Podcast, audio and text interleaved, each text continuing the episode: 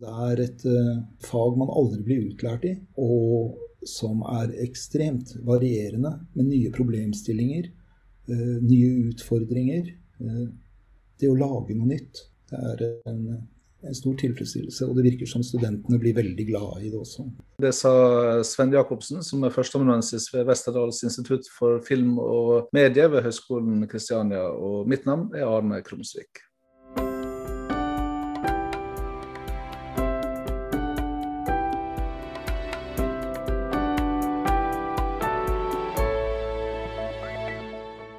Musikk har alltid vært en veldig sentral del av, av livet mitt. Da. Jeg uh, ble jo døpt inn i Frelsesarmeen som guttunge. Og begynte å traktere mitt første horninstrument i sju-åtteårsalderen. Og det fortsatte jeg med til jeg var 15 omtrent. Så ble det en bassgitar. Eh, og så ble det band, og så kom punkrock. Og da var det å bråke en del.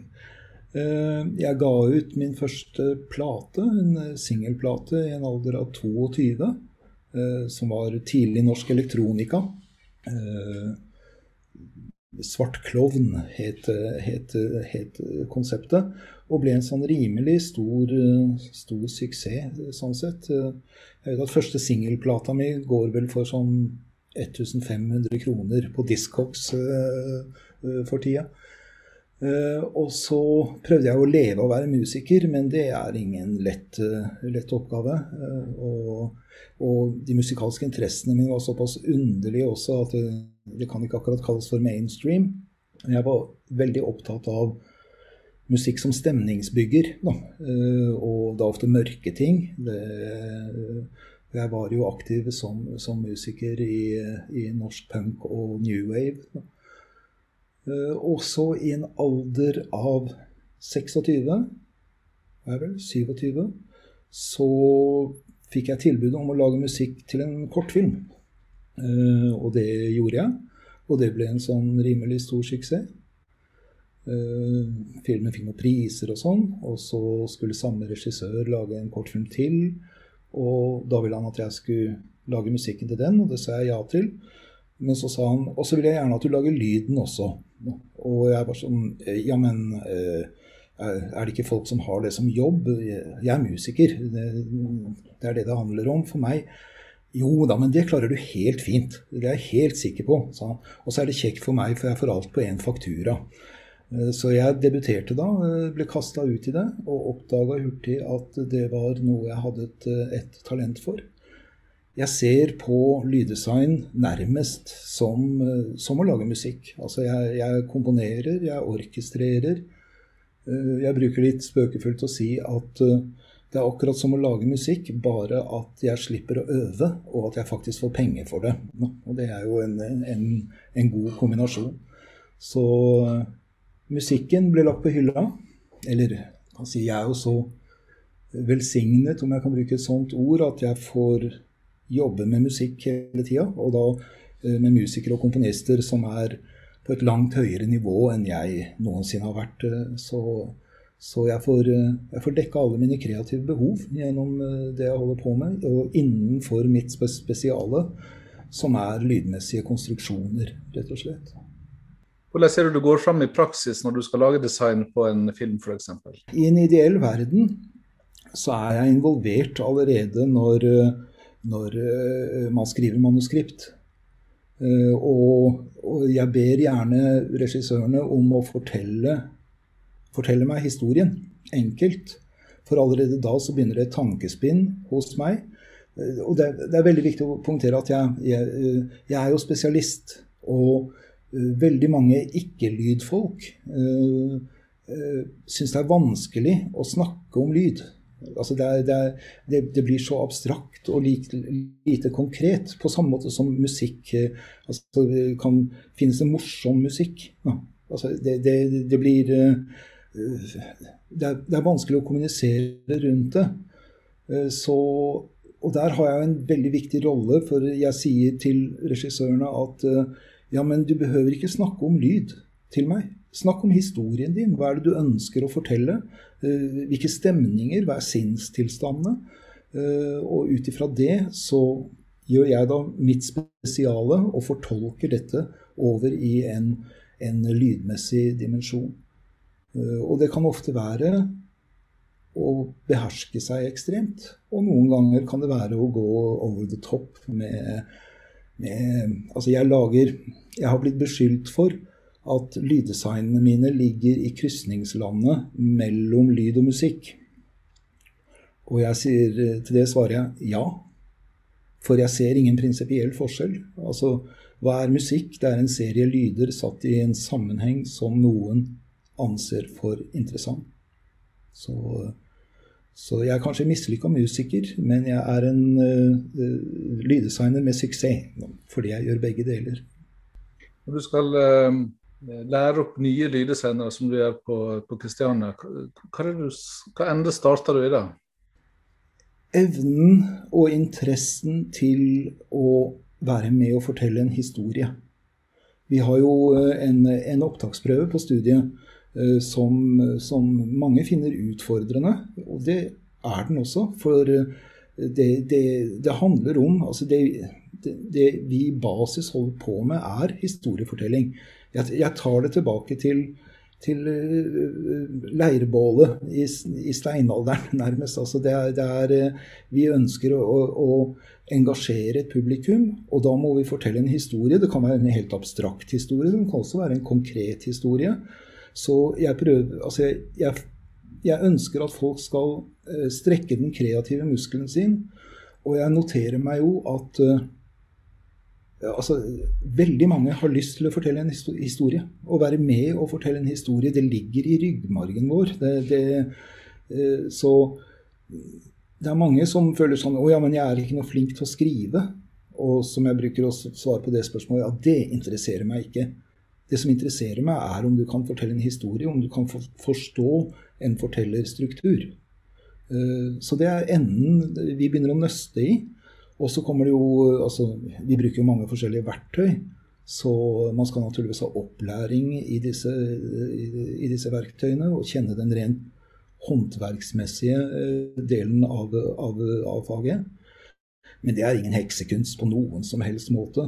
Eh, det som er vanskelig og mest interessant er eh, å få strukket den kreative muskelen og, og, og være med å lage noe. Og de aller fleste av studentene mine kommer jo fra en bakgrunn enten som musiker eller som komponist eller som bare et menneske med en veldig sterk musikkinteresse. Eh, så, så, kimen ligger der allerede. Altså til å sitte hjemme på eh, gutte- eller jenterommet sitt og Nå har jeg lagd en låt i dag. Og det, den, den, driften, det ønsket, er noe som, eh, som er kjernen av det vi, vi, vi holder på med. Jeg for eksempel, jeg, jeg, har holdt, holdt på med å lage musikk siden jeg var liten. Fordi det ville jeg. Det, det, ga meg tilfredsstillelse. Og på samme måte så har jeg skrevet historier fra jeg var liten, fordi jeg ville det, fordi det ga meg noe. Så har man et, en, en, kreativ drift i seg, så er det en veldig fascinerende reise å være på det å, å bli lyddesigner. Jeg elsker det. Jeg har holdt på med det i godt over 30 år. Eh, og som en en kollega av meg i, i USA har sagt at eh, ja, jeg har holdt på med dette i, en, i nærmest en mannsalder. Men eh, jeg møter stadig vekk mennesker som får meg til å føle at jeg bare så vidt har skrapt i overflaten. Så det er et, eh, et fag man aldri blir utlært i, og som er ekstremt varierende, med nye problemstillinger, nye utfordringer. Det å lage noe nytt. Det er en en stor tilfredsstillelse. Og det virker som studentene blir veldig glade i det også. Når jeg snakker om historiefortelling, så bruker en ofte sånne begrep som fortellerteknikk. Og, og, og sånn. hva, slags, eh, hva, slags, fortellerteknikk er det du eh, lærer bort? Nei, det, det, handler jo om det vi kaller for dramaturgi. Eh, og, og, lyden har definitivt sin, sin, sin egen dramaturgi.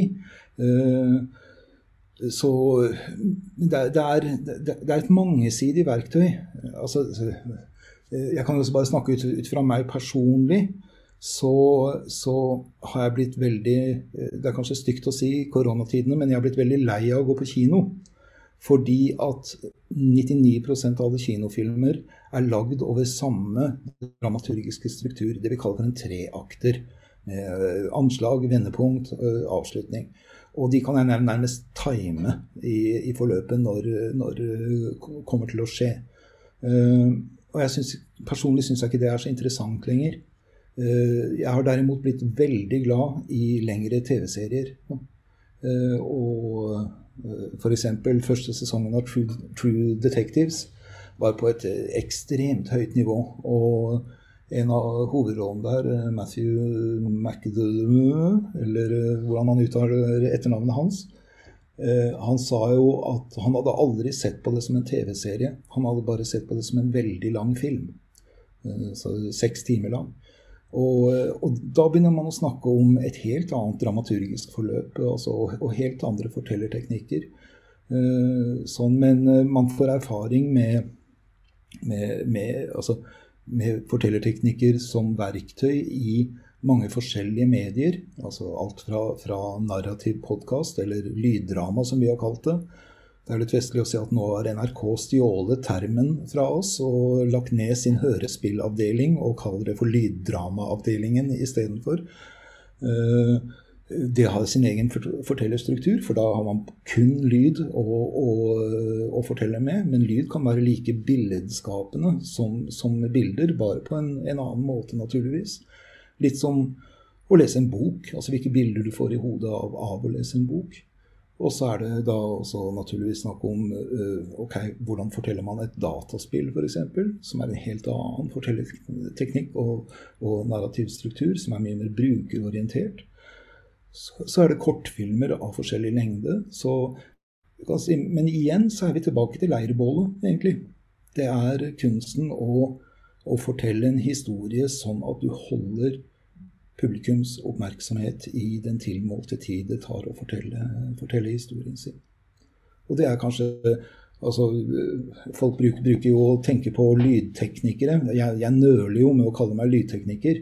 Jeg kan veldig mye om lydteknikk, men det interesserer meg ikke i nevneverdig grad, egentlig. Jeg, det interesserer meg i den grad at det er verktøyet mitt som jeg er nødt til å kunne beherske. Men det som, det som fascinerer meg, er fortellerstruktur. Altså det å holde fast i, i, i, i, publikum, uansett hvilken plattform jeg forteller historien på. Det er jo veldig mange nye plattformer som du, som du, du nevner, nye format eh, eh, med veldig varierende kvalitet på, på, lyden. Ja. Får det store konsekvenser for måten dere jobber på? Ja og nei, men så, sånn har det egentlig alltid vært, for å si det på den måten. Det er uh, Tidlig i karrieren min så, så kom jeg altså, uh, Når jeg starta i det faget her, så fantes det jo ikke noen, noen Det fantes ingen filmskole i Norge. Det nærmeste man kom, var, var dokumentarutdannelsen i Volda. Det fantes ingen lydutdannelse. Norsk lydskole, som det het, startet vel opp i 85-86, eh, et eller annet sånt.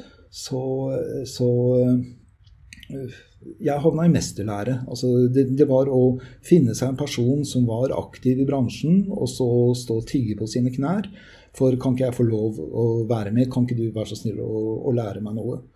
Og det tok lang tid før den døra åpna seg, men den åpna seg nå etter hvert. da, For jeg er en veldig sta person. Det har jeg alltid vært. Uh, og så hadde jeg gjort en lydmiks, og jeg visste den var fin.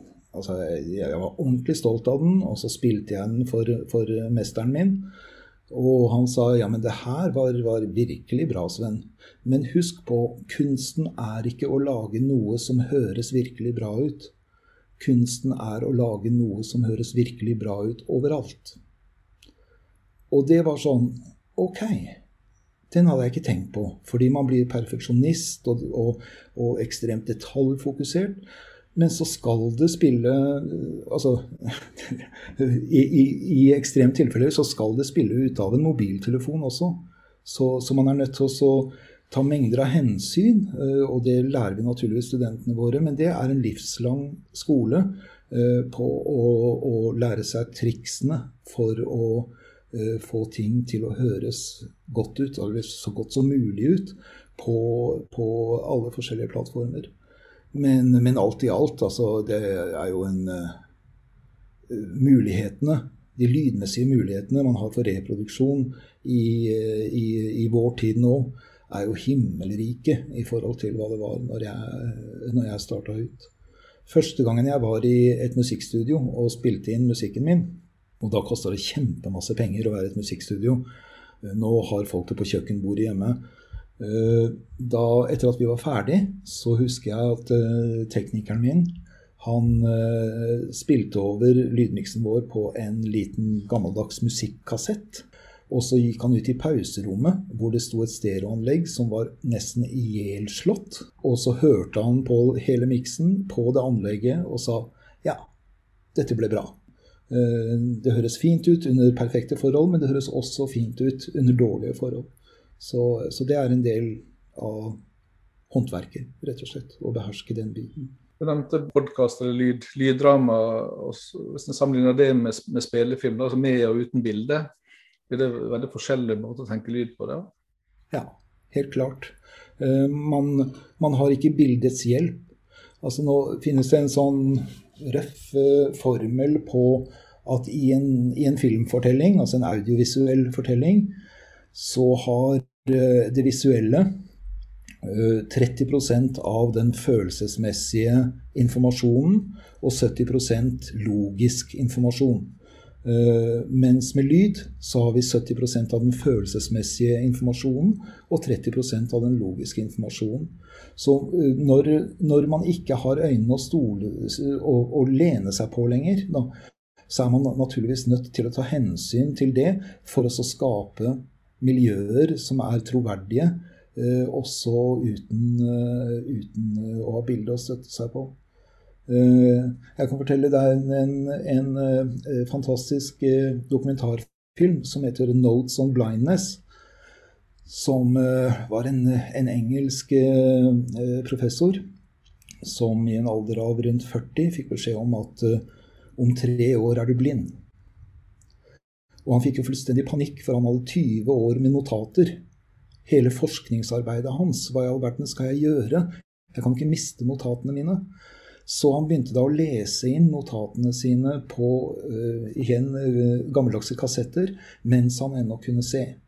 Og samtidig med det så starta han en slags uh, la oss kalle det blogg eller podkast, men for seg selv, hvor han reflekterte over prosessen med å gå fra å være seende til å bli blind.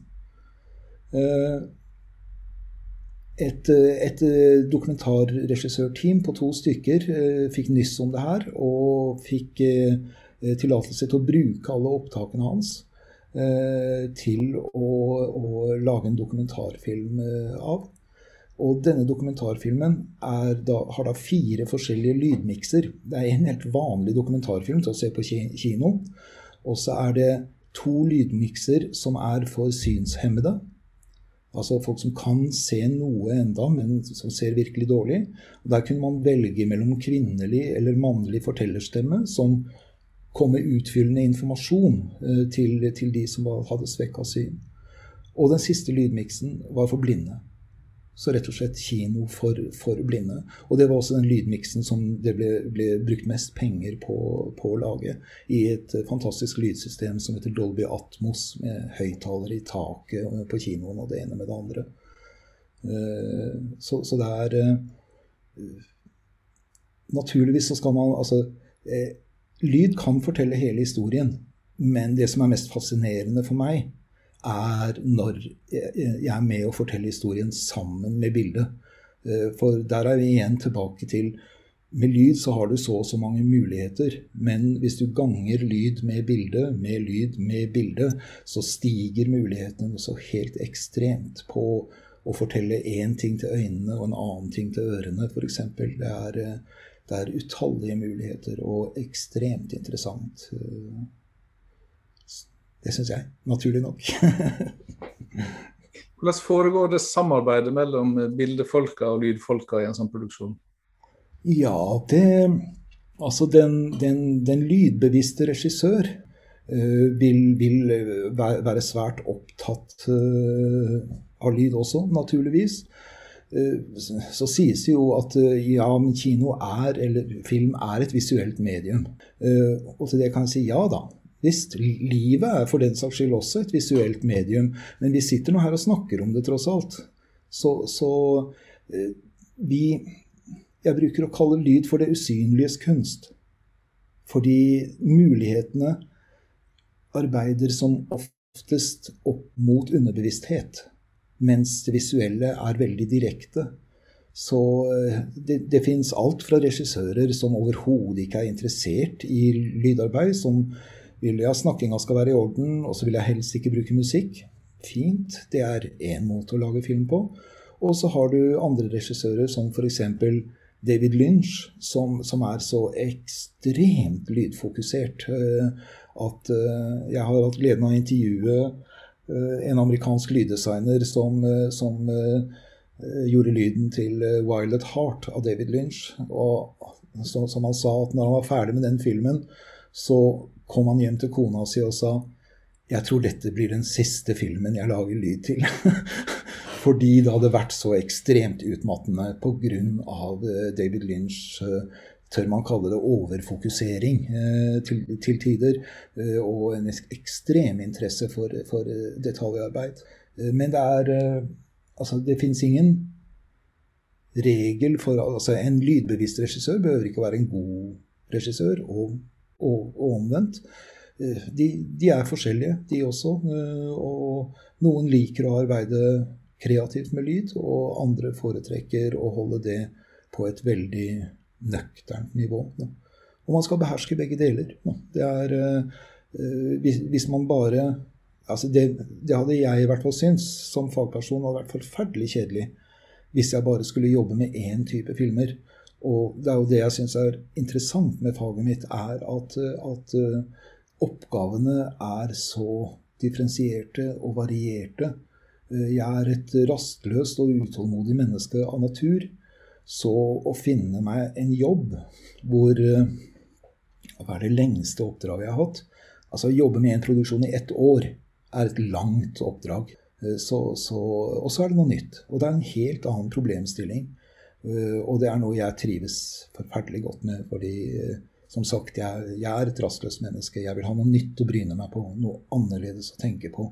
Ikke gjøre det samme. Hvordan går du fram når du skal formidle til studentene dine da, hva som fungerer og ikke fungerer? Jeg gir tydelige tegn for at dette er subjektivt. De skal ikke lage min lyd. De skal lage sin lyd. Jeg kan lage min lyd, det gjør jeg best. Men de er også best til å lage sin lyd. Det syns jeg er en, en kjempeviktig ting. Fordi det handler om subjektivitet. Altså. Det, det, handler om smak. Og så har du da håndverksmessig basis, naturligvis. Altså, disse replikkene er for lave.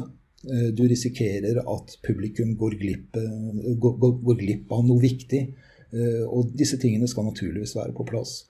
Men det er jo en kunstfaglig utdannelse, så, så kreative valg da, Der er de alene, og de skal tvinges til å være alene om det.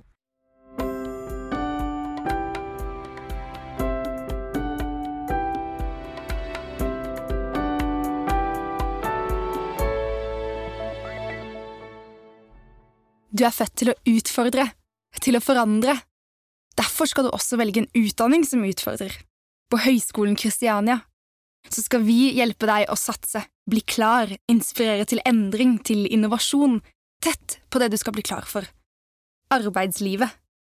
For det er dette framtidens arbeidsliv trenger, slike som deg. Sjekk ut studietilbudet vårt på christiania.no.